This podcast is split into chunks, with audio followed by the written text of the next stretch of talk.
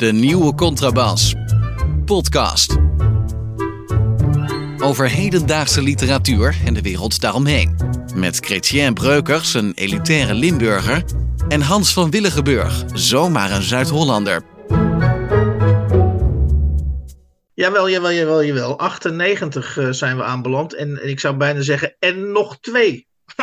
ja, dan krijgen we de honderdste. En dan, uh, ja, een, een, lintje van de koningin. Uh, of sorry, wat zeg ik nou? Toch dat je wel merken dat ik oud word. Een lintje van de koning uh, krijgen we dan, denk ik. Net ja. als uh, Gerbrand Bakker en Kees Schafrat van de boekhandel. Oh, heeft hij er ook een gekregen? Nou, die heeft er half Twitter mee volgegooid. Dus dat was echt niet te vermijden, die Kees Schafrat. Die, was, die, die kreeg een lintje en een latje, kreeg hij, om het maar in stijl te houden. Maar en, en sinds, we... sinds, spelen wij al op, op, uh, op, op, op de mogelijkheid dat we, hem, dat we dat lintje niet krijgen. We, nou, ik denk niet dat ik. Ik hoef het niet in ieder geval. Jawel? Ik, maar ik was meer een grapje. Nee, het is niet, het is niet iets überhaupt wat op mijn, uh, op mijn, uh, op mijn lijstje staat. Inderdaad. Dat zou volkomen onverwacht zijn. Inderdaad. Ik, als ik het word, wil ik wel de hoogste onderscheiding. Niet zo'n orde van Oranje Nassau of zo. Zoiets kleins, weet je wel. Zo de... Je wil, gelijk, je wil dan gelijk die ridder. Uh, ridder. Ja, de, de Willemsorde of zo. Oh, de Willemsorde, ja. ja, ja niks, uh, niet van dat benauwde. Niet, ja, een beetje zoals de Beatles in de jaren zestig. Een beetje van niks op één. Niet al die tussenfases. Nee, nee, nee. Dat hoeven we niet dan.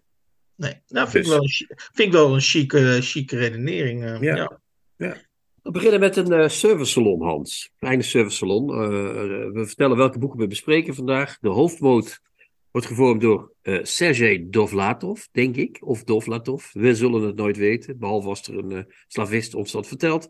Omtrekkende beweging heet het boek. Bij Van Oorschot net verschenen. Vier romans van de vroeggestorven Rus. Vertaald door Robert-Jan Henkes. En daarnaast aan het eind van de aflevering een short read uit het werk van Joris Miedema. Heb je er al zin in, of niet? Uh, nou, zeker in die Rus heb ik wel zin. En Joris ja. Miedema laat ik me graag door verrassen dan. Ja, Goed zo. En op je lieve briefje, Hans. Staat daar nog wat? oh, dat is nu officieel tot briefje gepromoveerd. Op je lieve, lieve, lieve telefoontje heb je daar nog leuke onderwerpjes uh, ja. getypt. Ja. Nou, zoals, je voor, zoals ik vorige week volgens mij ook meldde, is, het liefst uh, kom ik met onderwerpjes die net voor de uitzending binnen, binnenvallen. Ja. Die dus vers van de naald zijn. Ik, ik hoorde gisteren, uh, dat is dus al een dag geleden, maar hoorde ik een uh, onderwerp over AI, uh, uh, Artificial Intelligence. Het ging natuurlijk ook al heel snel over chat GPT.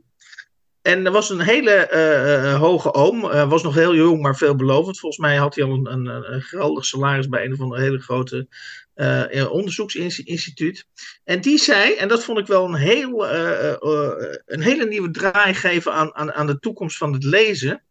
Uh, het ging er dus over dat, dat uh, nou dat weten we inmiddels, dat heleboel studenten natuurlijk met, in, met, uh, met behulp van ChatGPT een bepaald gemiddeld niveau aan scripties kan produceren. En dan, dan heb je natuurlijk die hele discussie over software die dat kan gaan detecteren en die, die, de, die de valsspelers eruit halen. Maar er was nog één ander interessant aspect en dat vond ik echt, zeker ook met, met, met de literatuur op de achtergrond in mijn hoofd, vond ik dat een hele interessante gedachte. Die man zei, ik denk dat er heel snel een vak zal ontstaan, counter, counter reading. Uh, en, uh, en toen dacht ik, wat bedoelt hij met counter reading? En hij bedoelde daarmee dat je, opdra- uh, dat je studenten de opdracht geeft om kritiek, om, kritiek te gaan leveren op stukken van chat GPT. Ah, dus dat, niet meer dat ze het zelf hoeven te schrijven, maar dat ze het eerst genereren en dat ze daar dan kritiek op gaan leveren, ja. of wat?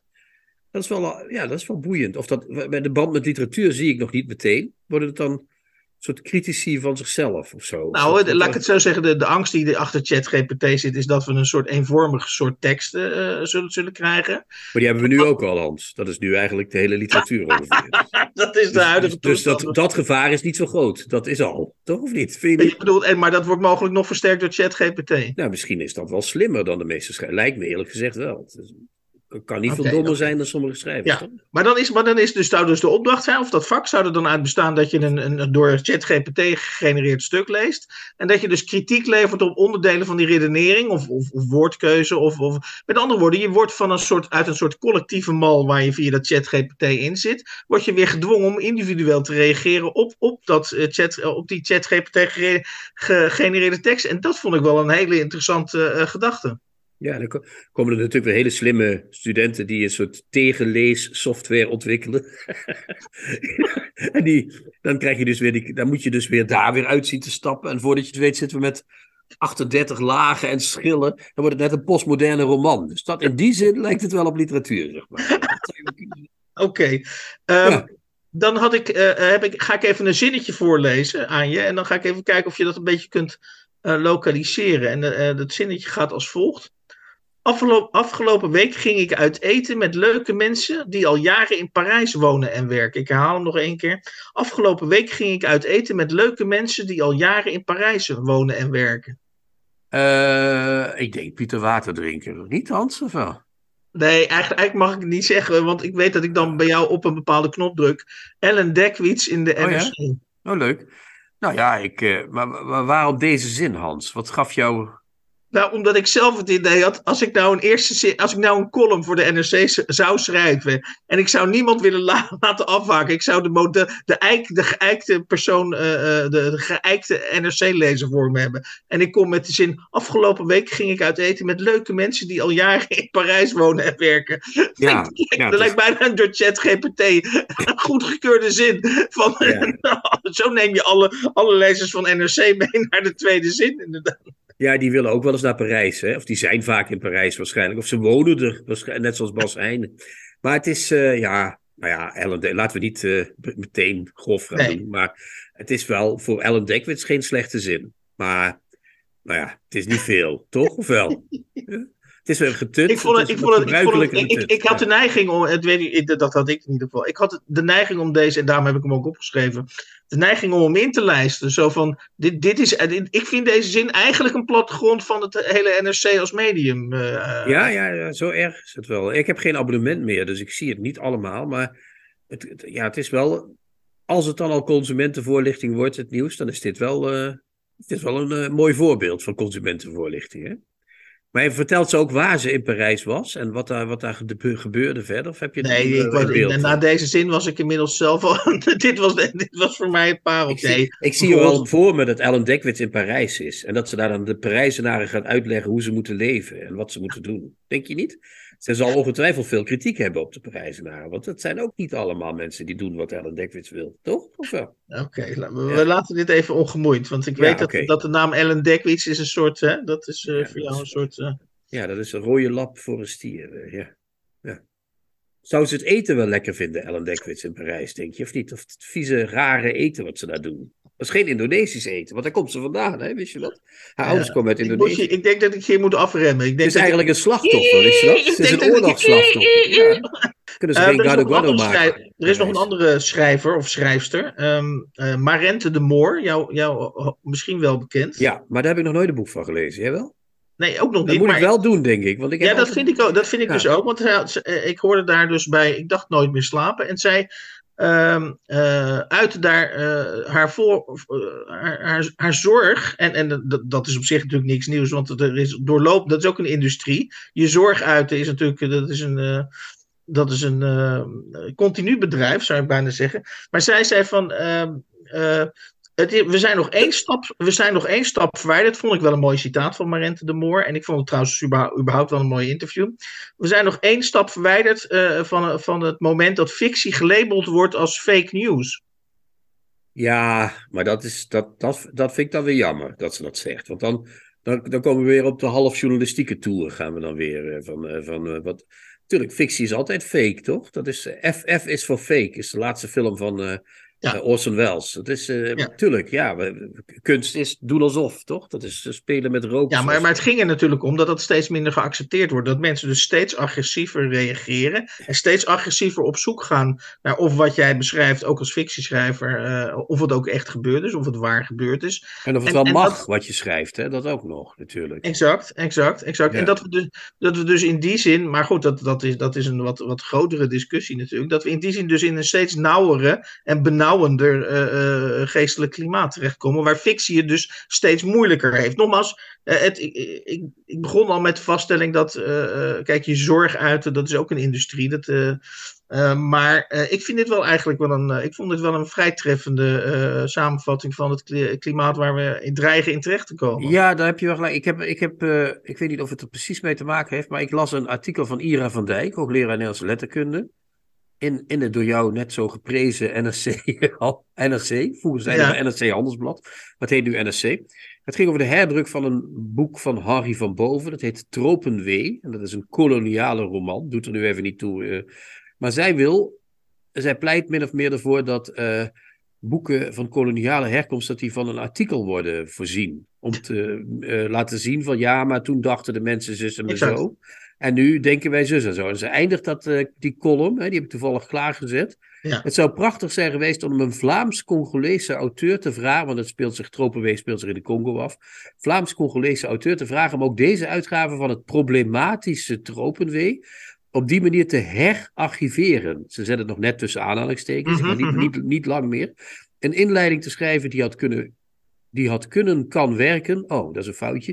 Die had, die had kunnen werken als een bril zodat we niet alleen met een Europese, maar ook met een Congolese blik naar de tekst kunnen kijken. Dus ik denk dat we daar al dicht in de buurt komen van. Uh, maar dat is toch verschrikkelijk? Ik, ik weet niet, Jan van Dijk is toch literatuurwetenschapper. Dus de literatuurwetenschapper die staat niet meer aan de kant, want dat is eigenlijk wat er gebeurt, uh, als ik het even simplificeer. Die staat niet meer aan de kant van de fictie, maar aan de kant van de werkelijkheid. Ja, dat klopt. En wat ik natuurlijk, kijk, je kunt wel vinden dat we nu anders naar die teksten moeten kijken. Bijvoorbeeld ook van Couperus of van Chef Gerards of van Hella Haase. Ja. Maar moet je dan dat doen door middel van een uh, hedendaagse manier van lezen op te dringen aan een oude tekst? Want dan kan we over honderd jaar weer overnieuw beginnen. Want dan moeten we weer deze manier verkijken. Dan ga je toch de wetten van de werkelijkheid aan de fictie opleggen? Of ja, dat... ja dat, dat ook. Dat is fictie verdwenen. Dus daar heeft Marente de Moor gelijk in. En de, aan, aan de andere kant, wat je dan doet, is ook uh, allerlei hedendaagse chit-chat uh, voor waarheid aannemen. geef goed geschiedenisonderwijs, zou ik zeggen. Laat de kinderen leren wat er gebeurd is vroeger en nu. En laat ze dan daarna kijken naar wat er in die boeken staat. Dan ja, en ga dat niet over de rug van een, van een fictieboek. Ga, ga, ga, ja. Laat dat niet de aanleiding zijn om, om, om weer, weer wat jij zegt, additionele artikelen of, of, of, of, of flankerende subteksten te produceren. Ja, ja. Dus in die zin heeft Marente de Moor wel een punt. Ja, ja maar, je, maar, je, maar je, je, je, zegt het alsof je zoiets hebt van ja, dat, dat, dat is nou. Nou, ik ben bang dat het uh, in de literatuur nu op dit moment bijna bon ton is geworden om dit soort dingen te zeggen, toch? Ja. of het nou Ellen Dekwits is, ja, jij begon Hans, die zichzelf op het feit dat haar grootvader in, dat haar grootouders in Indonesië woonden, tot een soort derde graads oorlogsslachtoffer bombardeert. Of uh, bijteksten bij koloniale romans. Of uh, mag je wel in fictie schrijven dat er iets gewelddadigs gebeurd is, want ben je dan zelf een gewelddadig mm -hmm. figuur, et cetera, et cetera. Uh, het lijkt wel alsof het toch al de gewoonte is geworden, vind je niet? Ja, ja, nee, ik dus ben het met je eens. Waar zitten we precies in dit proces, Hans? Want dat is een Ja, ja, nou, uh, wat, mij betreft, wat mij betreft hopelijk aan het eind, maar ja. het zou wel zo halverwege kunnen zijn. Dus dat, dat maakt even, het alleen nog maar alarmerender. Ja, nog even honderd afleveringen extra de tanden op elkaar, Hans, en dan zijn we er misschien uit, uit die tijd. Wie zal het zeggen? Dan heb ik uh, tot slot, ik weet niet, volgens mij moeten we langzaam afronden. komt Poetry International, dat, ah. dat, dat, dat, bestaat ook nog. Ik heb wel het idee, we hebben natuurlijk diverse malen in deze uitzending Bas Kwakman besproken. ja, dat is wel altijd een dankbaar onderwerp. Dat is een dankbaar onderwerp, maar, maar die heeft nu hoofdpijn, je kunt ze achteraf zeggen wat je wil. Hij, ik had wel het idee dat dat, dat, dat festival in ieder geval op, ergens op de kaart stond. En dat het, ja, zeker of het er nou mee eens was of niet, er waren altijd felle voor- en tegenstanders. De ene vond het festival fantastisch, de andere vond het helemaal niks. Vaak had het ook verband met of je er een podium kreeg of niet. Dus mensen die er een podium kregen, vonden het op een hele vreemde manier vonden ze het een fantastisch festival en die andere mensen niet. Ja. Maar ik heb het idee dat, ik weet niet, ik zou, dus dat, ik zou die naam dus niet eens kunnen produceren wie daar nu de scepter zwaait. Maar ze hebben dus nu, uh, er komt nu de 53ste editie komt eraan. En daar hebben ze dus een slagzin, de volgende slagzin uh, voor het festival. Uh, uh, ik neem niet aan dat jij hem al kent, maar dat is ook, en dat is waarschijnlijk al veelzeggend, een Engelse slagzin. Dus je krijgt geen Nederlandse slagzin, maar het, het Poetry Festival is natuurlijk, uh, Rotterdam is nu zo internationaal dat ze ook onmiddellijk kiezen voor een Engelse slagzin. En die luidt, there's a poem for that, uitroepteken. met andere woorden, voor alles, voor alles is een gedicht. Ja, ja, Hans, ja, ik, ik heb de neiging nu, maar dat kunnen de luisteraars niet uh, zien, om een kruisteken te slaan. Ja, toch? Dit is toch fantastisch. Hè? Voor alles is een gedicht. Dat hebben we in Rotterdam ook wel gemerkt. Waar kun je geen vuilniswagen zien voorbij komen. Ja. Of hup, er staat een gedicht op. Uh, elke gevel wordt ontsierd door, uh, door, door, ja. door poëzie. dit, dit, en, en ja, kijk, Bas Kwakman was heel goed in het laten komen van Vietnamese dichters en Chinese en Tibetaanse dichters. Ver Mhm. weg, hè? Dat, dat hoef je niet zo precies te Colom, en niet vergeten Zuid-Amerika was die Ja, want daar wilde hij natuurlijk altijd naar dat festival, dat grote festival waar hij heen wilde. Moest hij dan ook allemaal weer, kon hij weer leuke reisjes maken. scoren, ja. En ik weet dus ook niet, inderdaad, dat zegt ook al veel, dat wij nu niet weten wie, wie de directeur is. Dus dat betekent dat het niet meer echt leeft in, in, eh, in ons soort kringen. Nee, en ik zit zelf in Rotterdam en ik heb het idee dat het daar ook veel minder, hè, waar het vroeger nog wel een soort eh, mijlpaal was, mijlpaaltje, ja. Is, is het nu geen, zelfs geen mijlpaaltje meer volgens mij. Nee, Maar There's a iets- Poem for That is wel echt heel lelijk. Ja, dat is echt heel... Waarom doen mensen dat toch? En dat is, dat is ongetwijfeld een communicatiebureau mee bezig geweest, vrees ik, of niet? Eh, En het is, als, als zeker in het licht van het eh, ene laatste onderwerp, is het natuurlijk weer. Het is, het is hetzelfde. eh, in die zin heeft Marente de Moor, eh, krijgt wat mij betreft steeds meer gelijk met haar eh, constatering. Nou, ook hier geldt weer hè, de werkelijkheid. Je voelt je boos of je voelt je teleurgesteld. Of je neem een gedicht. Neem een En, gedicht. en daar kan dan een gedicht bij. Daar, daar, daar, daar, daar kun je dan iets van opzoeken. En dat, dat is dan een gedicht. Weet je wel? Een gedicht als een soort flankerend. Als een, terwijl een, een poëziefestival, maar dat zal dan wel aan mij liggen. Dat moet toch juist vanuit het gedicht. Dat moet toch vanuit het gedicht Ja, iets. Dat is iets- ouderwets, iets- Hans, wat je nu zegt. Bah, bah, vanuit de tekst. Wat krijgen we nou, zeg? Wat is dit? eh? Het gaat om... Poëzie is een soort seresta geworden. Dat, eh, ik, ik zag ook eh, op Twitter een gedicht van Ingmar Heitse. Die doet tegenwoordig blijkbaar gedichten maken voor... Met het oog op morgen. Ja, hij- En dan- Maar dan Ja. zie je dus gedichten die, die, die ook, dat zijn ook een soort seresta. Er is een gedicht voor, voor, voor, de- voor, voor, hè, voor Koningsdag of zo. Maar het is Ja. ook een seresta forte, die gedichten. Dat zijn toch een soort, ja, die jongen kan echt hartstikke mo- mooi schrijven. En, en, en die laat zich elke keer tot allerlei be- op bestelling gemaakte flauwekul eh, eh, Verleiden. eh, verleiden. Die, die, die wordt een soort provider of there is a poem for that. Weet je Ja, dat, provider vind ik En wel dan begin ik zelf ook al Engels te En dus lullen. poëzie- nee, dat, is- dat is het. Dan komen we, kijk, dat hadden we nou. Dus poëzie is een provider geworden, inderdaad. Ja, en dan, begint hij dat gedicht met: Is het waar wat ze zeggen, waterkoning, majesteit? Is het werkelijk een Efteling zonder sluitingstijd? Madurodam achter de dijken van Kapla? Leeg als een spiegel stroomde u door stad en land. Tien keer alweer, bijna volmaakt transparant. Ja, dat, het, het, klinkt als poëzie, weet je wel. Dat, het is... Maar wat is het? Ik heb hem bij dat bij, eh, met het oog op morgen horen voorlezen, volgens mij. Ja, ja, ja, het is jammer, zo'n groot talent. En dan met dit soort. eh. Ja. Maar de, de, de conclusie is de werkelijkheid, de werkelijkheid, de werkelijkheid, de werkelijkheid, de werkelijkheid. En dan nog een klein beetje poëzie eh, als, eh, als eh, flankerend. eh. Ja, wij zijn het Gallische dorp, Hans. Het Gallische dorp dat dapper weerstand biedt tegen de Romeinen. Tips van de week. Boeken, artikelen of pamfletten die boven het maaiveld uitsteken. Dan is het nu het moment aangebroken dat we ons gaan buigen over. eh, voor de tweede keer, want we hebben een veel kleinere, of een kleine roman eerder eh, besproken in de podcast. eh, de bij Vleugels verschenen novelle eh, De Vreemdelingen. Van Sergei Dovlatov. En misschien even al een kleine inleiding tot de figuur Dov, Sergei Dovlatov. Ehm, Ja.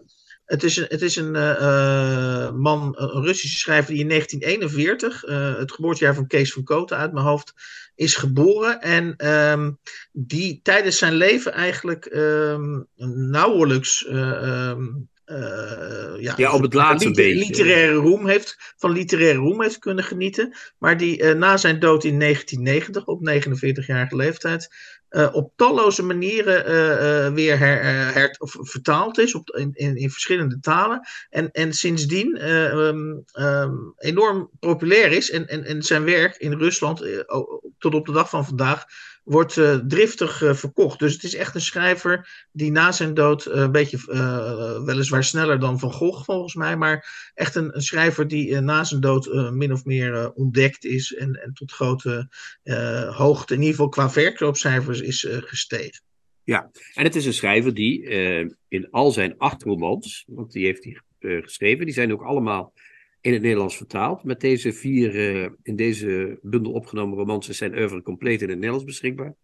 Over, zijn- over zijn eigen leven vertelt ook nog eens een keer. Hè? Dus hij vertelt over zijn eigen treurige leven. En dat is daarna, na, na zijn dood, na zijn vroege dood, ongeveer ten tijde van de glos, glasnost. Dus het zat hem ook niet mee, zeg maar. Net Nee, hij is net Rus- eerder gestorven dan Gorb. Of eh, sorry, eh, eh, gestorven voordat Yeltsin. Oh, dat was in de laatdagen van, van Gorbachev. En net voordat Yeltsin eh, aan de macht kwam, is hij dus- gestorven. Dus ja. net toen zijn werk zo'n beetje in Rusland had kunnen gaan verschijnen, is hij er Ja. tussenuit gepiept. Dus hij heeft ook nog echt aan alle kanten pech gehad. Maar nu is hij er nog, dat werk is er nog. En daar kunnen we nu iets over gaan zeggen. Ik zei het al, het, al die boeken gaan over hemzelf. Hè? ja, ja, ja, ja, ja. Maar hij is, je zou kunnen zeggen, zijn ze autobiografisch of is het autobiografische fictie? Beetje van allebei, hè? Hij mag graag overdrijven, vind je niet? Ja, volgens mij wel. Het is, is wel een man die, die de anekdote aan zijn broek heeft hangen, volgens Ja. mij. Ja, die alleen maar in anekdotes praat ongeveer ook, hè? Toch of niet? Eh, Alles is anekdote, alles wordt ja, anekdote. Ja, ja, ja, maar wel op een hele ge- geestige manier gedaan. Eh, in eh, Compromis, dat is de eerste roman die is opgenomen. Daar vertelt hij bijvoorbeeld over zijn werk. Op een gegeven moment wordt hij eh, in Rusland een beetje met de nek aangekeken. Dan gaat hij naar Estland, naar Tallinn. Ja. Daar wordt hij dan eh, redacteur van een soort krant, toch? Eh, van een soort Russische krant in Tallinn. En hij is daar natuurlijk niet heel populair, want de Russen lagen niet echt lekker in die Baltische staten. En dat be- be- bevat een aantal compromissen. En elk compromis behelst een artikel die hij schrijft. Dat hij schrijft voor die, voor die Estse klant, toch? Ja, ja klopt. En daar heeft hij dus één van die, van die compromissen is het verhaal dat hij met een fotograaf eh, gaat hij naar een boerderij in Estland buiten Tallinn. Waar een koe zit die heel veel melk kan geven. Zoveel melk dat die vrouw die die koe beheert, dat hij zelfs lid van de communistische partij mocht worden, van Brezhnev. Ik kreeg een brief van Brezhnev. vanwege, de, over- vanwege de bevredigende productiecijfers. ja, van, van de in het, in het zicht eh, op de vijfjarenplannen van het communisme. nou ja, maar ik wil zeggen, dat verhaal gaat over een fotograaf en een journalist die naar die vrouw gaan. Maar wat daar allemaal in gebeurt, Hans, ja, dat is echt eh, dat is ongekend, toch? Of niet? Eh, dat heb dat al met een enorm hè, dat- drankgelach. Ja. Dat compromis heb ik een jaar geleden gelezen. eh, dus Ja. dat heb ik nu niet opnieuw. In het kader van de efficiency heb ik dat niet opnieuw gelezen. Dus eh, ik heb die andere drie romans tot me genomen. Maar dat, het, eh, eh, dat zijn eh, dubbel, dubbele rol als, als, als eh, literair, eh, zeg maar, getalenteerd auteur. die voor een ontzettend ongetalenteerd tijdschrift eh, stukken moet schrijven. dat het tot hilarische situatie leidt. Ja. Dat weet ik nog wel heel goed. Ja, ze komen daar twee vrouwen tegen en ze zijn alleen maar aan het zuipen de hele tijd. En die vrouw die, waar ze dan met die, die, die, die koe heeft, die heeft zich helemaal in een nieuwe overal gestoken als ze daar aankomen. En dat doen ze ongeveer drie minuten, fotootje maken, klein tekstje maken en hup, weer weg. Het is echt allemaal even fantastisch. Maar daarmee wil ik zeggen, hij vergroot zijn leven graag uit. Zeg maar. Ik ga er toch vanuit dat als hij alles gedaan heeft wat alleen al in dat compromissen staat, dan, had hij, dan was hij niet eens 49 geworden, zeg maar. Dat, dat haal je gewoon niet. Dat kan niet gewoon. Dat is echt eh, ongekend wat er allemaal doorheen gaat. eh. Dus ik moest erg om hem lachen, dat is één. Ik moet erg om hem lachen. Ja, hij is heel komisch, absoluut. Ja. Hij vertelt leuk, dat is twee. Eh, en toch is het soms heel veel. Hè? Dat, is mijn, dat zou mijn kritiekpunt zijn. Ja, het is sowieso natuurlijk, door, het, door die vier romans in één bundel uit te geven, is het natuurlijk, kun je als schrijver niet, eh, kan Dovlatov zich niet meer verweren tegen de kritiek dat het te veel in één band is natuurlijk. Dat, eh, Nee, maar het is niet dat is een beslissing van de uitgever en daar moet hij natuurlijk dan in mee leven. Of, of Nou, hij hoeft daar niet meer mee te leven. mee, Zijn- mee dood zijn- zijn in dit geval. Ja, zijn erven moeten daarmee, zijn dochter moet daarmee leven. Maar wat ik wil zeggen is, je ziet soms ook verhalen terugkomen in die romans. Dus hij, hij exploiteert zijn eigen materiaal ook wel behoorlijk eh, heftig, zeg maar. Ja. komt, hij komt wel eens terug op hetzelfde. Maar Ja. wat, wat, wat, wat vertel jij eens wat je is opgevallen? Ja, eh, nou ja, eh, eh, de, de, de tweede roman die erin opgenomen is, Na Compromissen, wat dus in feite een satire is op de communistische maatschappij en op de, op de, op de journalistiek, hè? En op de, op de journalistiek en op de sensoren van, van de communistische partij. Het tweede, het tweede, de tweede roman heet Ambacht. En, Nee, de tweede, daarin, die, van, die van ons heet die. Dat is Oh, dan over is die familie. sorry, dat is die over is- die familie. En Am- Ambacht, Ambacht is, de der, is de derde roman. Ja, en wat mij daar, ehm, wat ik daar heel eh, voor, eh, want we hebben het nu, nu over 2000, het boek komt uit in 2023. En ik vroeg me, ik vind het even alle credits naar uitgever, uitgever van Oorschot dat ze deze schrijver eh, volledig toegankelijk maken. Maar je kunt je natuurlijk afvragen, wat, wat kan iemand in 2023 nog, eh, eh, nog voor, voor, voor reden verzinnen om te willen weten wat er in de jaren 70 of 80 in het in de literaire milieu van, van Rusland zich afspeelt. En eh, ik kwam tot, de volgende, eh, tot, de volgende, tot het volgende motief.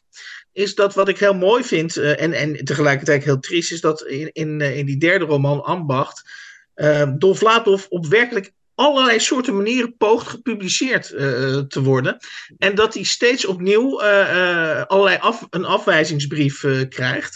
dus, dus en, en met allerlei argumenten, de meeste redacteuren die zijn werk moeten beoordelen, die zeggen eigenlijk bijna allemaal unaniem: er zit scherp observatievermogen in, je doet dit goed en je doet dat goed. Is dus, een fantastisch boek, zeggen ze altijd. Nee, echt geweldig. Maar ja, we kunnen het helaas in deze situatie niet uitgeven. Dat ja, precies. En wat, wat, ik, wat, ik daar, uh, wat ik daar voor 2023 interessant aan vind, is dat je dus ziet hoe een schrijver. Um, uh, moeite moet doen om niet, niet alleen ontzettend veel moeite moet doen in dat geval om gepubliceerd uh, te worden, maar dus ook eigenlijk gedwongen wordt om heel diep na te denken: moet ik aanpassingen doen? Moet ik, moet ik, moet ik, me, moet ik me aan de machthebbers aanpassen? Terwijl, laten we eerlijk zijn, in 2023, wie, wie, wie voelt nog die dramatiek van de afwijzingsbrief? Tegenwoordig staan er podia, commissies klaar om uh, tegen jou te zeggen: joh, als jij een gedicht wil voordragen, of joh, als jij een gedicht wil schrijven, doe mee aan een wedstrijd, doe dit, doe dat. Uh, uh, dus met andere woorden, we leven in een soort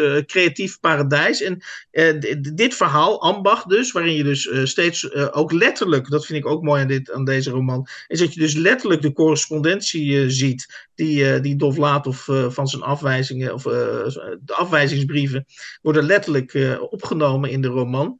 Ja, dan, dan, dan neemt je bewondering in die zin voor Dovlatov toe. Dat je denkt, hoe is het mogelijk dat, dat hij bijltje er niet bij neer heeft gegooid? Nee, hij moet wel heel sterk die drang hebben gevoeld om te schrijven wat hij wilde schrijven. Tegen de heersende uh, opinie of tegen de heersende macht in. Uh, dat is één, dat, is, dat, heb je, dat heb je goed gezien. Ze zijn, in, dat, in die roman Ambacht is hij al in het buitenland. Hè? Dan zit hij in Wenen en in New York, volgens mhm. mij, of niet? Daar richten nee, ze allemaal... er, er zitten twee delen in. In het eerste deel zit hij volgens mij nog in Rusland. Maar goed, oh, het eerste deel zit hij nog in Rusland. Het tweede deel is hij al in, in exil. Ja, waar ik het net over had, was nog dat nog in Rusland, ja. maar daar, ja. ja. daar krijgt hij, hij krijgt bijna een boek gepubliceerd in Estland, als hij daar zit. Mhm. En dan gaat hij de dag voordat dat boek zal uitkomen, of een week voordat dat boek zal uitkomen, gaat hij op bezoek bij iemand die net de dag daarna door de KGB wordt uh, gearresteerd. Waardoor die wordt gelinkt met die gearresteerde figuur en dan gaat het boek alsnog niet door. Dat is ook echt ook een heel schrijnend verhaal is dat. Dat is heel zielig is dat. Dus hij heeft echt, dat hij heeft doorgeschreven zijn gewonder. Dat hij überhaupt nog acht romans heeft geschreven, dat uh, vraag je af waarom. Want hij wist toch dat het niet zou gebeuren. Uh, en in dat tweede deel, als hij dus in, in exil zit, dan wil het nog niet helemaal vlotten. Dat komt pas later, hè? helemaal op het eind van zijn leven wordt hij eindelijk vertaald in het Engels. En dan begint het een beetje te marcheren, net voor zijn dood zo. Maar daar zie je ook dat al die Russen die daar komen, uh, die willen wel van alles nog. Maar die zijn ook hartstikke treurig, want die zijn hun band met Rusland kwijt. Dat heeft hij ongetwijfeld ook gevoeld natuurlijk. Van, er zit een prachtige passage op bladzijde 389. Mag ik daar iets... Mag ja, natuurlijk. Heel graag, Daar gaat het over, uh, dat, daar hebben ze dan een krantje opgericht. Dat gaat een jaar heel goed. Dat is ook weer een geweldig hilarisch verhaal. Moeten de mensen zelf maar lezen. Dat is dan door Joods geld gemaakt, dat krantje. En dan, maar dan gaan ze eerst een week vergaderen hoe ze dat dan... En heel klein zetten ze dan erop Joods nieuws. Want anders kopen de Russen het niet, want het zijn allemaal antisemieten. Is echt een heel fantastisch verhaal, is toch? Maar goed, daar, daar komt een of andere figuur, Karavayev, komt dan voor. Karavayev haatte het Sovjet-regime en verzette zich dapper tegen de oppressie. Op zijn konto had hij negen hongerstakingen en dertien maanden isoleercel. Dat is ook wel prachtig als je dat zo leest. Maar goed, tijdens een van zijn processen werd Karavayev de vraag, Karavayev, sorry, de vraag gesteld: uw nationaliteit, gevangene, antwoordde Karavayev. Uiteindelijk gevangenen als nationaliteit. Uiteindelijk lieten ze hem gaan dankzij tussenkomst van Kissinger en vertrok Karavayev naar de vrijheid.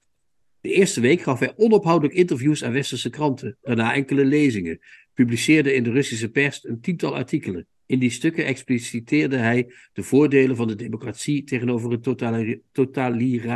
totalitarisme Totalitarisme, ja? ja? Dat is net zoiets als aluminium. Hè? Totalitarisme. Nou, anyway, zes, weken, zes weken later waren al Karavayevs ideeën uitgeput. Sindsdien had hij compleet niets meer te doen. Nou, dat, dat is eigenlijk twee alinea's. En je hebt de hele tragiek van, van die Russen die naar het westen trekken. Die hebben niet meer de Russen om zich tegen te verzetten, hun eigen volk. En ja, wat, wat dan? Hè? Wat, waar, waar, waar zit je dan? Dus dan moet je zoals Dovlatov zelf had, dan moet je dus de inner resources, de, de, de, de dwang, de drang hebben om om te schrijven. En dat, dat is wat hij dus blijkbaar nog wel had. Ja, Eh, ja. En, en een persoonlijke fascinatie eh, die, de, eh, die ik altijd als kind al heb gehad. eh, want wij komen nog van een generatie waar we op school leerden dat we wel veel kruisraketten nodig hadden om ons tegen het Russische gevaar, Ja. het Sovjetgevaar te wapenen. En wat ik, wat ik heel mooi vind, eh, en eh, aan, aan, aan ook die, die, dat, dat, dat, dat ambacht eh, ehm, en al die epistels van die, eh, van die redacteuren en die censoren, is, de, is de, eh, de, wat ik altijd heb gezien als de, wat ik de zwakte van de macht noemde. Dus, de, dus in, die, in die communistische partij, daar, eh, zeg maar, de meest talentloze angsthazen maken daar de dienst uit. Dus het is een soort machtsvorming die drijft op talent, talentloosheid. Eh, eh, eh, en eh, ehm, eh, ja, dat, dus met andere woorden, ik heb ook nooit begrepen als kind hoe, kan, hoe kunnen wij bang zijn voor de Sovjet-Unie als, als, de, als de grootste angsthazen, de, de minst creatieve mensen in feite de beslissingen nemen. En dat is Nou, dus daar moet je volgens mij. Ja, ik snap die angst dan wel. Want als je de minst creatieve types de beslissingen laat nemen, die maken dorre beslissingen. Dus die beginnen oorlogen. Die gaan. Die zijn niet bang als er. twint- die, die zijn bang voor hun positie. Dus die, Mhm. die vinden 20.000 doden eh, beter dan een verlies van een positie. Dus die, die, ik zie die eerder. eh, ik, ik ben eerder bang voor dat soort types dan voor uh, Dovlatov, zeg maar. eh. Ja, dat sowieso natuurlijk. Maar- Die kun je nog een drankje in gooien en dan heb je, Ja. heb je er verder geen last van. eh, ja. Ja, maar hij strijdt dus tegen. En, en, maar dat, zo, zo, zo is het waarschijnlijk ook echt daadwerkelijk geweest. Je levert iets in en je weet, het komt in een, in een gang en het komt bij iemand terecht die, die zelf nog nooit iets geproduceerd heeft. Die inderdaad alleen maar Ja. een positie verdedigt. En die, eh, eh, ja, die, die gaat het afkeuren. Ja, dat, dat, zegt hij, dat zegt hij op een gegeven moment ook. Dan zegt zo iemand van, ja, maar waarom stuur je het op? Ja, maar ik wil weten wat het oordeel... Hij wil het oordeel toch hebben, gek Ja. genoeg, hè? Hij, hij, hij weet, het wordt niks, maar hij moet en hij zal dat oordeel hebben. Ja, ja, ja, precies. Misschien om zichzelf te blijven bevestigen in het idee, ik ben toch goed, zeg maar, zoiets. eh. Ja. ja. Ik heb ook nog een paar citaten eh, eh, bij elkaar gesproken. Ik zal ze zeker niet allemaal doen. Maar wat jij net zei over die, die, ehm, eh, die ontheemding van die Russen, die als ze eenmaal het, zeg maar, de, eh, ehm, onder de dwang van het Sovjet-regime uit zijn, dan hebben ze dus, dat is dus tragiek, hebben ze ook hun, eigenlijk hun raison d'être zelf ook verloren. Dus ze, ze willen zich eraan ontworstelen. Maar als ze er eenmaal aan ontworsteld zijn, dan hebben ze inderdaad geen reden van bestaan meer. en dat zie je mooi op een, eh, op een citaat in pagina eh, 403, waarop de verteller zegt: Amerika is inderdaad het land van de onbegrensde mogelijkheden. Eén ervan was de mogelijkheid bankroet te gaan. Ja, dat had je in Rusland natuurlijk niet, hè? Dat kon niet. Ja, Ja, dat is mooi. En dan is het ook mooi dat hij op een gegeven moment, en dat is in, het, eh, in, het, in de laatste roman, eh, Filiaal eh, heet hij. Ja, dat is over dat, over dat congres, dat is ook heel mooi, hè? Dat is, nou, dat, dat speelt zich dus af in een, in het radio, in, in, in een, op een radiostation. Hij is dan journalist bij een Ja, maar hij, wordt, radiostation. hij wordt uitgezonden naar een congres van Ja, onder andere. exilschrijvers, Onder andere. Maar hij komt dus aan, hij wordt aangenomen als, eh, als redacteur bij, eh, bij, dat, eh, bij dat radiostation. Ja. ja, dat is waarschijnlijk Free Europe, want daar heeft hij voor gewerkt, toch? Precies, Eh, precies. ja, ja, ja. En dan eh, noteer, noteer ik het volgende, vond ik ook heel erg grappig. Eh, dat heeft hij eerst over een collega. Tarasevic was een vrij ervaren redacteur en geen domme man. Ik weet nog dat ik voor de radio begon te schrijven. Ik recenseerde nieuwe boeken. Demonstreerde irritant mijn eruditie. Ik gebruikte woorden als filosofeem, extrapoleren, relevantie. Eindelijk liet de, liet de redacteur me komen en zegt: Zulke uitzendingen hoeven ze niet te storen. Want die, die, die, die radio wordt, wordt door de officiële Ja, eh, door de Sovjet-autoriteiten ge- gestoord. Eh, zulke uitzendingen hoeven ze niet te storen. Die worden toch alleen maar begrepen door promovendi van de Moskouse Staatsuniversiteit. dus, dus hij, was, eh, hij deed er interessant, eh, zeg maar. Eh, ja, dat is echt Ja. fantastisch. Ja, Maar dat geeft dus ook het niveau van, van zelfspot eh, van eh Dovlatov eh, aan. Ja, ja, hij heeft een enorme zelfspot. Ja, ik vind het. Het is moeilijk uit. Je kunt hem niet uit citaten opbouwen. Hè? Dat is moeilijk te zeggen. Die citaten zijn leuk, maar het gaat vaak om. Hij pakt je soms onverwacht bij de kladden. Dan ben je iets aan het lezen en ineens Ja. krijg je via zo'n zinnetje krijg je zo'n zo'n Ja. eh, zo'n optater van. eh, van eh, oh ja, zo, zo, zo zit dat in elkaar, eh, vind ik. eh. Wat is ons eind? eh, Is er een eindoordeel? En zo ja, wat is ons eindoordeel? Nou ja, het is, het is een, uh, hij wordt gezien als een belangrijk schrijver in Rusland, heb ik het idee. Zeker. Uh, wilde jij niet nog iets vertellen over een voorbehoud wat iemand had? Ja, ik ben afgelopen. Dat... Ja, vind je dat leuk om te horen? Wil ik best ja, wil ik, ja, dat zou, dat, dat ben ik wel benieuwd naar nog even. Uh, ik heb afgelopen, en afgelopen week ben ik met Maxim Osipov, die we, waarvan we ook een boek hebben behandeld in de, in de podcast, ben ik ja. een, een, dagje op stap geweest. Onder andere hebben we onszelf vergast op een uh, wedstrijd Feyenoord-Utrecht uh, in de Kuip. Ja, en ik heb, met hem inderdaad, en ik heb met hem inderdaad over de figuur Dovlatov gesproken. En hij had twee, twee opmerkingen of twee bezwaren tegen Dovlatov. Hij zei, um, en dat vond hij dus kennelijk een bezwaar. Hij zei, wat Dovlatov de hele tijd doet, is wat je ook de hele tijd doet om bij vrouwen indruk te maken. Je, gaat, je doet net of je hele leven mislukt is, of dat alles in de soep loopt. Dat is dus een hele, vond hij dus een goedkope manier om bij de lezer in het gevlei te komen. Dus hij overdrijft dat, vindt hij ook een beetje. Dus dat is een bezwaar wat hij uh, had. En verder uh, en dan moet je denk ik een beetje in die Russische context uh, leren denken. Uh, op een of andere manier schijnt Dovlatov zichzelf ooit met Tsjechov, of in ieder geval, of door anderen aan Tsjechov gelinkt te zijn. En dat wekte enigszins de toorn van Osipov. Want Osipov vindt Tsjechov een, een, een, een, ja, een grote humanist, zullen we zeggen. ook niet alleen als schrijver, maar ook als, als, als, als, als reëel levende persoon. En Dovlatov ja, is altijd iets juist niet, vindt hij althans uh, absoluut geen Tsjechov, want die heeft juist in zijn hele leven een heel relativistisch uh, standpunt ingenomen. Sterker nog, Dovlatov heeft ooit gezegd: Het maakt me eigenlijk niet eens uit of iemand wel of geen communist is, uh, et cetera, et cetera. Dus die was, ja, was, was, was in, het, in het dagelijks leven een nihilist. Ja, maar Tsjechov had natuurlijk het geluk dat het communisme er nog niet was toen hij leefde. Dat is waar, dus, dat is ook Maar goed, ik, ik snap de bezwaren wel. Um, ik zie hem als een.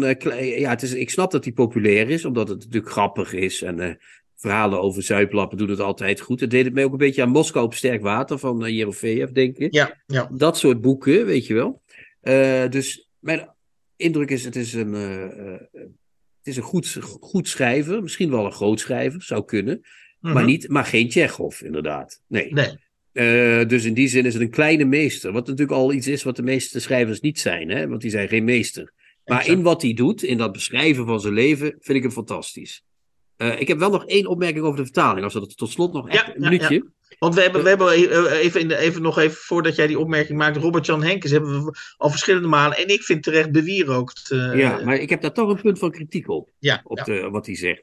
Want in zijn nawoord heeft hij het over compromissen, over een zinnetje daarin. En dat er letterlijk de volgorde van is. Want ik kan het Russisch niet voorlezen, dat staat op bladzijde 552. Uh -huh. uh, letterlijk is de volgorde: meisjes in dergelijke gevallen bellen heeft geen zin. En dan Precies zo zou je het aan tafel vertellen, zegt Henkes. En dus niet in een verliteratuurde versie als de eerder Nederlandse vertalingen doet, van iPrince, voel, mm voeg ik even toe, met in dergelijke gevallen is het zinloos meisjes op te bellen. Op zo'n manier is in die vertaling praktisch elke zin de mist ingegaan. En ik begrijp, misschien ben ik wel een dore ziel, maar meisjes in dergelijke gevallen bellen heeft geen zin. Of in dergelijke gevallen is het zinloos meisjes op te bellen. Ik begrijp wel wat het verschil is, maar als je al die zinnetjes van Dovlatov vertaald zoals ze op de volgorde staan, dan merk ik soms als je het aan het lezen bent dat het wel wat erg staccato uh, wordt. Ja, zeg maar. zeker. Ik, en, ik had zelfs het woord discontinu, dat het, dat, uh, dat het af en toe een wat discontinue indruk maakt. Uh, ja, dus, dus ik denk dat hij het gewetensvol vertaald heeft, maar of hij het literair vertaald heeft, dat weet ik niet, eerlijk gezegd.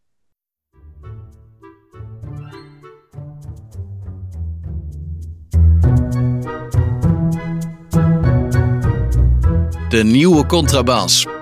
Podcast. Dan komen we uh, toe aan, het is eigenlijk een soort drieluik, hè, de, de nieuwe contrabas, heel vaak althans. En het derde deel van dat luik uh, is een close read van, van Chrétien. Maar alvorens we naar de close read gaan, wil ik uh, Chrétien eventjes opmerkzaam maken op het feit uh, um, dat wij uh, in het begin van de podcast, ik denk zo'n jaar terug, één à twee jaar terug, hebben we bijna wekelijks verslag gedaan, of, of Chrétien heeft dat gedaan, van de nieuwste schrijfsels van Tommy Wieringa. En uh, um, Tommy Wieringa uh, verdween op een gegeven moment. Hij verdween uit, ik meen de NRC, maar hij is nu dus terug. Hij is terug in de Volkskrant. Ik heb het gezien, Hans. Uh, ik, ik, ik, wilde de rubriek ook weer re reanimeren of reactiveren. Maar ik heb alle columns die hij tot nu toe schreef, stuk of vijf, zes, heb ik uitgeknipt en die ben ik nu tot op de draad aan het analyseren. Dus binnenkort zullen we weer eens de Tommy bij de lieve uh, kale oortjes uh, vatten. Ja. En dan gaat hij weer los. ja, ik volgens heb er mij, zin volgens in. mij zijn er veel luisteraars die dat een. uh, En er komt ook een roman uit van Tommy. Hè? Dat is ook weer goed voor minstens vijf afleveringen, schat ik in. Want het wordt een, het wordt een dikketje. Niet zo dik als die van uh, Ilja. Want ze hadden de problemen verdeeld, weet je nog? Ze hadden, Oh, ja. Tommy had het klimaat en uh, Ilja heeft de oudheid en de politiek. En, nee, uh, nee, nee, nee, ho, ho. Ilja Pijver heeft. Uh, nu, nu schat je Ilja net, net te klein in. Hij heeft zich gewaagd aan het, aan het grote vraagstuk van het verdwijnen van de democratie. De politiek dus, zeg maar. Ja, toch? Ja, of, dat, ja maar dat is nu in 900 bladzijden. Hij heeft, inmiddels is hij ook al college over het boek aan het geven voordat het verschenen Ja, dat is, is. misschien nog even leuk om kort tussendoor te bespreken. Ik vind dat, die kun je van alles van vinden. Maar ja, heel veel dat, een auteur zijn, dat een auteur zijn nieuwe boek inleidt met het geven van uh, mini-colleges op video, is wel, is wel een nieuw concept. Ja, dat is wel een nieuw concept, Hans. Maar heb je het gezien? Hij zit in een soort party setting. Dat is, moet dan een Palazzo verbeelden. En hij was, ik had vandaag gehoord, hij doet in dat hele rare, hij heeft een heel raar Leids accent. Het wordt ook steeds erger. Hoe langer die in, in, in, in uh, Italië woont, hoe langer die, uh, hoe Leidser die gaat praten. En ik zag een, kaas, een kandelaar op tafel staan met, drie, met meerdere kaarsen erin. En die wiebelde af en toe. Dus ik was heel bang dat die zou omvallen. En dat dan zijn haar in de fik zou schieten. En dan die protserige gordijnen die erachter hingen. En dat dan, voordat je het weet, de hele tent in de hand staat. En dat, het, dat de hele Ilja niet meer doorgaat. Dat zou toch ook erg zijn? Nou, ik weet niet of jij dat echt erg vindt. Maar goed, dat... dat nou, ja. dat die levend zou verbranden, dat gun ik niemand natuurlijk. Maar goed, we gaan... Uh, te zijn tijd misschien nog wel eens in op dit. Uh... Ja, we, we, maken een kleine overstap van Ilja. Er hingen ook vlaggen naar... bij. Nou, er hingen ook vlaggen bij Atheneum. Had je dat gezien bij Atheneum Boekhandel met, met het boek? Toen het werd, toen het werd bekendgemaakt wanneer het zou verschijnen. Heb je dat niet gezien? Mm -hmm. nee, was, nee. het was net Triomf des Willens, was het. Er hingen van die hele grote vlaggen bij uh, Atheneum.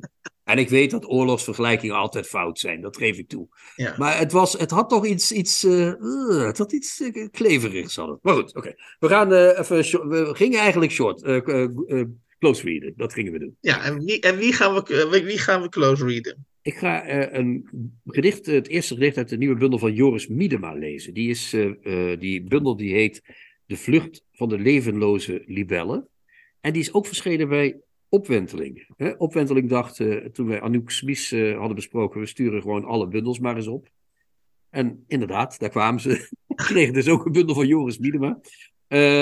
ik heb hem al een tijdje op afstand gevolgd. een beetje dichter in de marge, als je het zo zou kunnen zeggen. Maar dat is bijna elke Nederlandse dichter, vrees ik. Uh, hij heeft nu uh, een trilogie, in, uh, ook, ook net zoals wij, hè, een trilogie, of mijn moeder zou zeggen een triologie, in voorbereiding.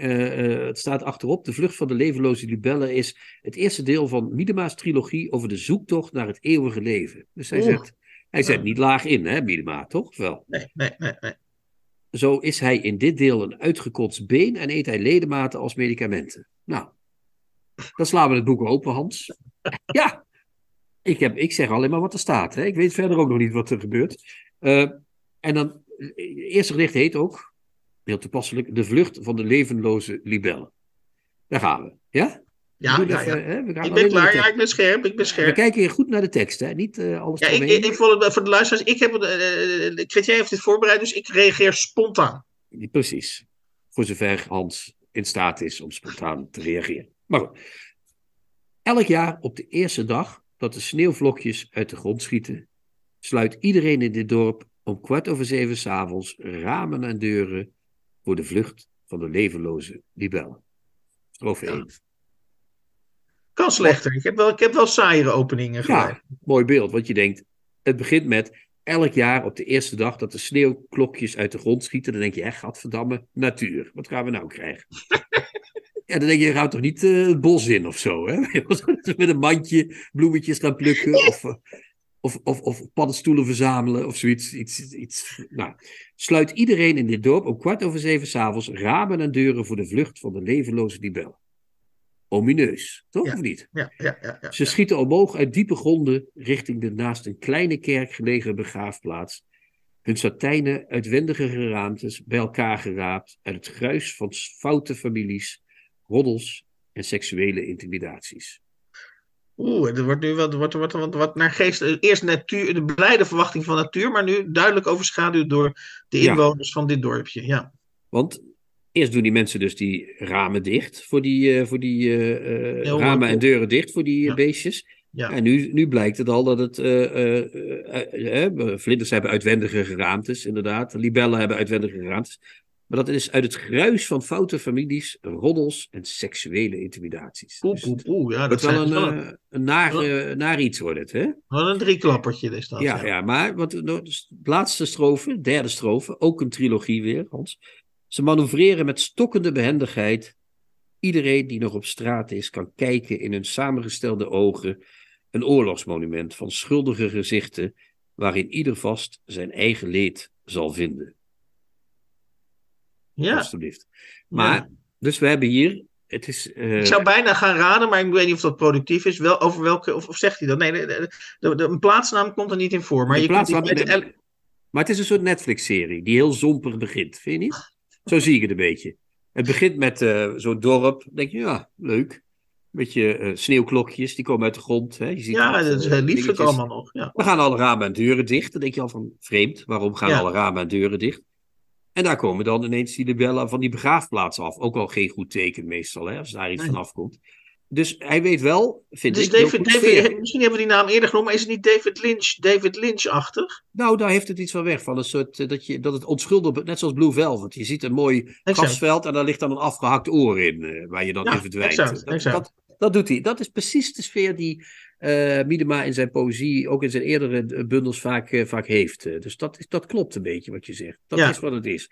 En ook die, die, die, die, die, die bijna, eh, net zoals bij Haneke of zo, dat je denkt, het kan niet erger. Maar dan nog even weet hij de schroef er nog een tikkeltje dieper in te draaien. Van, nee hoor, het kan allemaal best nog eh, een stukje erger. Ja, ik, ik heb wel het idee, maar dat, dat, dat, ik, ik, dus spontaan, hè? of ik nou wel of niet toe in staat ben, maar ik, dit is, dit, ik hou vol dat, dat ik spontaan reageer. Ik heb het idee van, eh, ja, ik kom er net in. Maar dan, maar Ja. dan, blijkt, het gedicht, dan blijkt het gedicht dus in dit, dit gedicht althans afgelopen te zijn. Ja. Nee, maar dat, dat, dat is eh, de, de hele bundel. Als je de hele bundel leest, dan eh, er komen nog, echt nog veel verschrikkelijkere passages in voor. Maar zal ik dan ook even, heel even gewoon eh, het gedicht erna, het begin daarvan. ja, doe eh, dat maar, doe dat maar. Dus eerst krijgen we de vlucht van de levenloze libellen. En dan krijgen we gospel. Ook al een, in dit geval, na zo'n gedicht denk je bij zo'n titel niet aan een vrolijk religieus liedje. Maar dan denk je, nou, dat wordt weer eh Leiden geblazen. Dit. De gospel werd vroeger nog niet biologisch geplukt bij de sleets geraakte rivieren. Welke de hele dag door dezelfde geul banjerden. Op weg naar een god die nog geen gehoorapparaat droeg in die tijd. Dus ja, hier is het ook al... eh, het is ook weer kommer en kwel eh, wat de klok slaat. dit, is, die god eh, met een gehoorapparaat, dat vind ik ook Ja. een heel sterk beeld. Vind ik dat, Ja, mooi. echt, een jongen van wie de stembanden zijn leven lang ontkend werden, ontwikkelde een eigen lichaamswijsheid door te gaan zingen met zijn voeten. En de hele ritmesectie uit te voeren door zijn enkels tegen elkaar aan te slaan. Dus in dat, in dat landschap staat nu zo'n jongen die met dat is een soort halve Ja. autist die met zijn enkels aan staat te, te slaan. Nou, En dan eindigt dat. Ja, dan, prachtig inderdaad. En dan eindigt dat gedicht ook weer met. Zo imiteerde hij grotendeels een zeehond. Die zo slecht kon schreeuwen. dat het smelten van het ijs en de meeuwen die om hem heen cirkelden. verraden dat er gevaar dreigt. Dus dat is allemaal. eh, Hans, dit, dit gaat niet meer. eh, beter gaat het niet meer worden, zeg. Dit gaat niet meer goed komen. nee, dit komt niet meer goed. Dus ik. ik, ik eh, ehm, het Maar is moeten, poëzie- moeten, we niet, moeten we niet concluderen, omdat we ook al behoorlijk, eh, of tot zeer positief waren over Anouk Smies, dat, de- dat die uitgeverij opwinteling in, in de, wat je terecht zegt, in de marge misschien eh, ja, hele bijzondere dichters uh, uitgeeft. Ja, dat, dat is dus inderdaad de conclusie, dankjewel eh, de- dat je dat zegt, eh, waar ik naartoe wilde. Want het, het, het geheel wordt min of meer gedreven of geleid, of hoe noem je zoiets, door Arnoud eh, Richter. Ook al een, dat vind ik ook een hele bijzondere dichter overigens. Mhm. Daar heb ik hele bijzondere dingen van gelezen. Dus kijk, vroeger was eh, op, in onze tijd, Hans, was opwenteling iets voor amateurdichters. Was ook officieel, officieel eh, de, de, de, het, het, het verdienmodel achter die stichting. Dat was ook, de- die kregen subsidie om amateurdichters kans te geven. Maar dit is, ja, ik vind dit een van de interessantste eh poëzie eh, eh, uitgeverijen op dit moment. Ik zie hier Ja. leukere dingen dan ik gemiddeld zie bij, hè? Bij Ellen Ja, Dekwits om de uitzending bij- rond te maken. Ja, ja.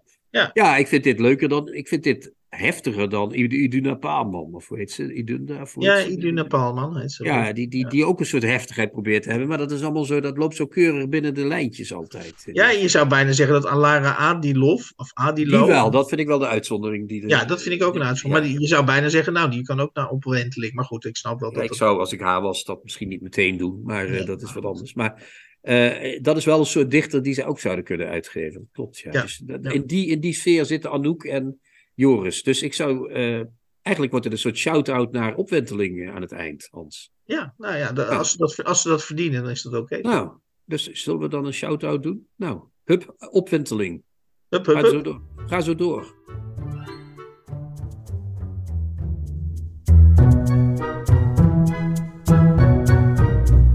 De nieuwe Contrabas. Podcast. In de 98e aflevering van de nieuwe Contrabas podcast kwamen voorbij eh, de vier romans in één, eh, in, één, in één boek uitgegeven van Sergei Dovlatov. Luisterend naar de naam Omtrekkende Bewegingen, vertaald door Robert-Jan Henkes en uitgekomen bij uitgeverij van Oorschot. En eh, als je dat boek koopt, dan heb je ook wat, want dan, ik kijk even, dan heb je 550 bladzijden eh, eh, ja, literaire, komische literaire kommer en kwel uit de Sovjet-Unie. En, eh, en, en, en, deels uit het Amerika en spelend in de emigranten, in de emigrantenmilieu van, van, van, van Amerika. Ja, ik heb één klein, ook nog één klein kritiekpuntje op het boek. En dat is namelijk, het is niet echt gebonden, zoals het bij Van Oorschot hoort. Het is geplakt in een karton, kartonnetje. Het wordt wel eens gebonden gebracht, maar dat is het niet. En eh, nou ja, dat is jammer voor dat geld. Maar ja, goed, het is niet anders. Blijkbaar moeten ze allemaal bezuinigen. Het is mooi, maar niet mooi genoeg, laat ik het zo zeggen. Of mag ik dat niet eh, hier in deze eh, uitleiding? Be my guest. Be my guest. en daarnaast, Hans, had ik een close read uit de nieuwe bundel van Joris Miedema. En die heet De Vlucht van de Levenloze Libellen. Eerste deel van een trilogie. Ik zou zeggen, spaar ze alle drie. Hè? En opgegeven, uitgegeven trouwens door de op, opwenteling. Uitgeverij waar we veel goeds Ja. over gezegd hebben. Dus Ja, dat, eh, ja, ja. En, en we hebben daar ook, we hebben hem in verband gebracht met David Lynch. Die had ook zo'n, eh, die had toch ook zo'n beroemde eh, serie nog, begin jaren negentig. Twin Eh, Peaks, ja, ja, ja. Twin Peaks, kijk, dat, dat Ja. was ook een beetje de sfeer. Ja, want Ja. jij noemde Blue, Blue Velvet en dat is ook absoluut van toen. Maar Twin Peaks, ja, dat, die Ja. sfeer zit er ook heel erg in. Ja, ja, ja, dat je in zo'n dorp komt en daar gaan allerlei akelige putten open. Waar allerlei, en of kasten waar lijken. Een eh, 30 jaar later een tweede Twin Peaks dorpje inderdaad in, eh, gaat, in elkaar gaat eh, lijmen. Inderdaad. Ja, heerlijk, heerlijk. Nou, fantastisch. Volgende week hebben we wat anders, hè? Dan hebben jullie wat anders. ja, het eens, volgende week hebben we dus net als vorig jaar gaan we de, na, in zekere zin naspelen de jury van de Libris Literatuurprijs. Het idee is dat het zeer tot ons ongenoegen is dat er uit, uit die zes genomineerde boeken opeens één boek dat daarmee gezwaaid gaat worden zonder dat, dat het publiek eigenlijk weet eh, wat de juryoverwegingen zijn. Dus wat doen wij?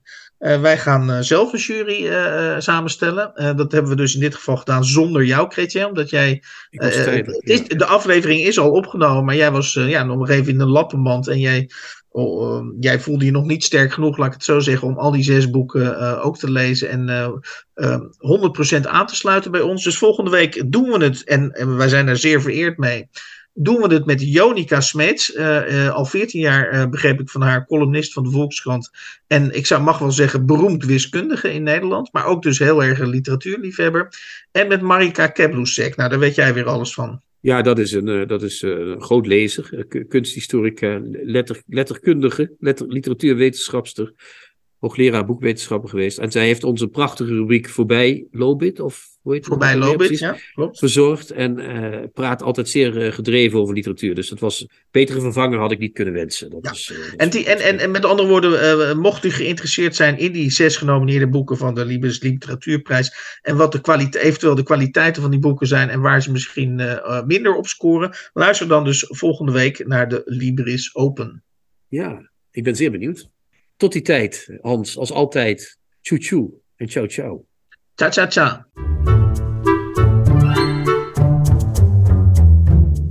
De nieuwe Contrabas podcast wordt gemaakt door Chrétien Breukers, Hans van Willigenburg en Erik Lindenburg. Kijk jij ook elke week uit naar de nieuwe Contrabas podcast? Voeg dan de daad bij het woord en word officieel supporter. Dat kan al vanaf 1 euro per week. Oftewel 52 euro per jaar. Draag je ons een heel warm hart toe, dan kun je ook Golden Supporter worden voor 104 euro en Platinum Supporter voor 208 euro per jaar. En wat krijg je daarvoor terug? Dan luister je met nog meer plezier naar ons uitgesproken geluid wekelijks over literatuur. En wat je ook geeft, ga naar gofundme.denieuwecontrabas.blog. Nog één keer? gofundme.denieuwecontrabas.blog. Hup, hup, hup. Hup.